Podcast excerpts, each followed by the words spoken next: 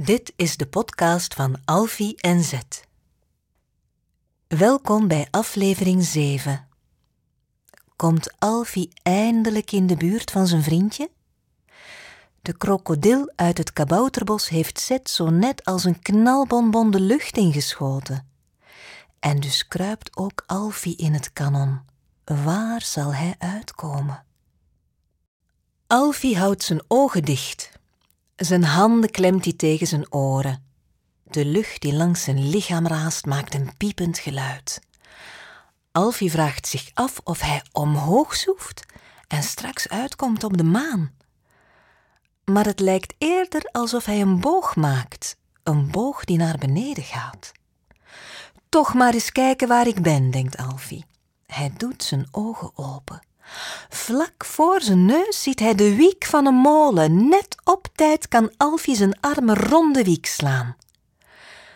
Daar hangt hij dan. De wieken gaan rond en rond. Ook Alfie gaat rond en rond. Totdat een monsterlijk grote duim en een enorme vinger Alfie bij zijn middel grijpen. Ze plukken Alfie van de wiek en tillen hem de lucht in. Alfie's bungelende beentjes houden halt voor het gezicht van een monster. Het monster kijkt hem vriendelijk aan en zegt: Zo, jongen, een slag van de molen gekregen? Alfie slikt zijn schrik in en begint te vertellen dat hij Zet kwijtraakte, dat hij in een kanon kroop. Heeft het monster Zet misschien gezien? Maar het monster heeft geen zeeleeuw gezien. Er is een moeras bij de molen, zegt het monster. Daar woon ik. Ik ben het moerasmonster. Mijn naam is Michiel. In mijn moeras is er elke dag een markt. Zullen wij je daar eens vragen? Michiel, het moerasmonster, loopt door het moeras. Van zijn handen heeft hij een kommetje gemaakt waar Alfie veilig in zit. Alfie tuurt over de rand. Hij ziet manden vol maïs, meloenen en mango's. En een kraampje waar ze milkshake maken. Mmm. Opeens hoort Alfie iemand gillen. Hou die maakjes tegen! Ze gaan er met mijn mango's vandoor!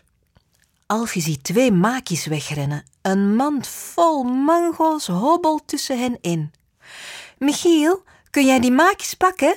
vraagt Alfie. Makkie, lacht Michiel.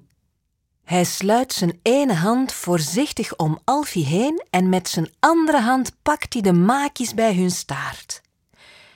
Even later zit Alfie weer in zijn kommetje, met twee maakjes en één mango. De ene maakie kijkt beteuterd, de andere kijkt Alfie nors aan en moppert.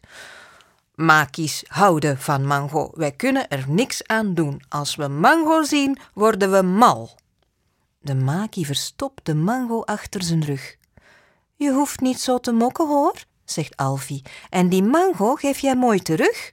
Mooi niet, mekkert de maki. Hij propt de mango in zijn muil en schrokt hem op met veel smakken en morsen.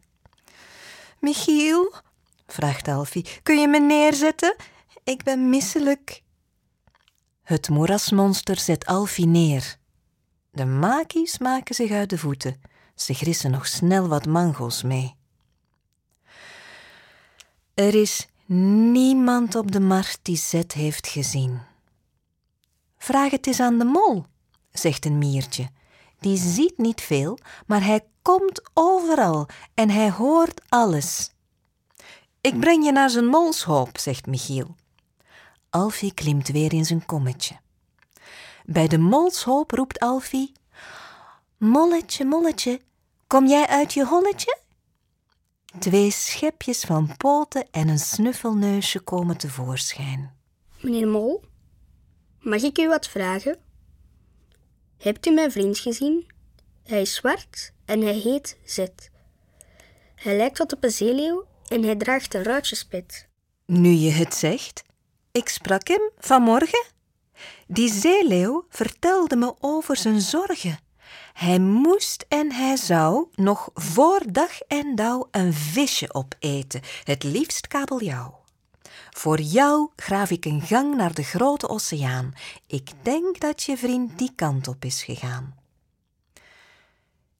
In de grote oceaan zit veel vis, alleen geen kabeljauw, denkt Alfie. Hij bedankt het molletje en zegt: Graven maar, ik kom achter je aan naar de grote oceaan. Maar eerst Michiel nog knuffelen.